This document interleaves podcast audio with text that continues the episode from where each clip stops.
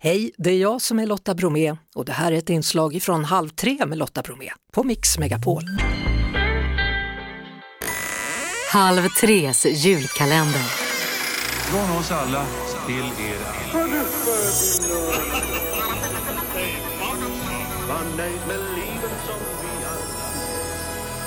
Men titta där ja, ett julbord! Och vilken tur att du finns där också då Mats Danielsson, etikettdoktor. Välkommen till Halv tre! Ja, tack för det Lotta. Här fanns du i den här luckan. Eh, Gjorde jag det? ja, det gjorde du. Det är ju julfester som går igång nu. Vad är de tre viktigaste sakerna att tänka på inför julfesten med jobbet? Ja, men det första är ju att det är ju gästen som gör festen. Det är ju det första. Mm. Och det andra är ju självklart om du ska äta julbord, det är ju att du ska tänka på att ät inte allt på en gång. Och det tredje brukar ju vara om det är personalfester att man kanske ska komma ihåg att ibland försvinner ju förnuftet med de där små eh, dryckerna som tillhör och man kanske inte ska säga sanningens ord till sin chef. Det var tre utav de tips man kan ge. Ja, Men sen får vi värdera det utifrån olika håll. ja, alltså i Japan är det så att där kan man dricka hur mycket man vill när man är ute med jobbet för allting som har hänt den kvällen, dagen efter är det borta. Så många japaner passar på just den dagen de är ute med att skälla ut sin chef eller någon annan. Ja, det skulle ju vara synnerligen positivt kanske för någon enstaka gnällspik men eh, jag tror inte det hur kul fest är det om vi skäller på varandra. Knappast. Knappast. Dessutom så japanerna har jag hört, de tål ju inte så mycket alkohol så då går det väl fort. Så kan det vara.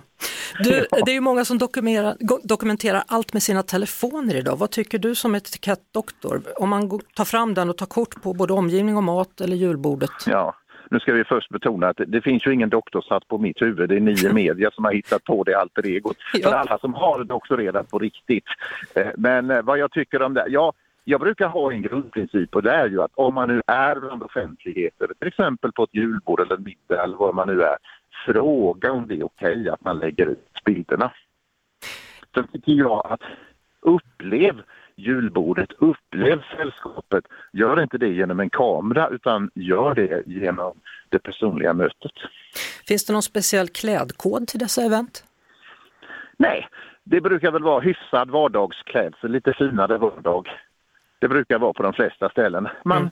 man blir bjuden på någonting om det nu är så och eh, man kan väl visa sin uppskattning att åtminstone klä sig lite snyggt. Och det kan ju vara allt ifrån ett par snygga jeans till en skjorta eller en kjol och blus eller vad man nu vill ha.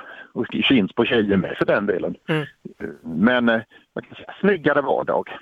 Eh, har du något bra tips för hur man öppnar en konversation? Ja, man ska ställa frågor. Det är det viktigaste. Man kan fråga, jaha, vem är du? Eller hur, kommer du? Eller har du någon favorit här på julbordet till exempel? Är det något speciellt du tycker om? Eller vad eh, tycker du själv är godast här? Eller ja, vad kan man säga mer?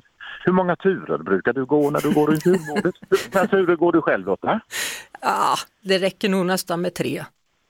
Och där hör du, du svarar direkt, Ja. eller hur? Det var bra. Fem brukar jag rekommendera, det är det lägsta. Ja, då vet jag det. Tack Ja. så mycket eh, Mats Danielsson och riktigt god jul på dig. Ja, tack detsamma. Det var det. Vi hörs såklart igen på Mix Megapol varje eftermiddag vid halv tre. Ett poddtips från Podplay. I fallen jag aldrig glömmer djupdyker Hasse Aro i arbetet bakom några av Sveriges mest uppseendeväckande brottsutredningar. Går vi in med hemlig telefonavlyssning och, och då upplever vi att vi får en total förändring av hans beteende. Vad är det som händer nu? Vem är det som läcker? Och så säger han att jag är kriminell, jag har varit kriminell i hela mitt liv men att mörda ett barn, där går min gräns.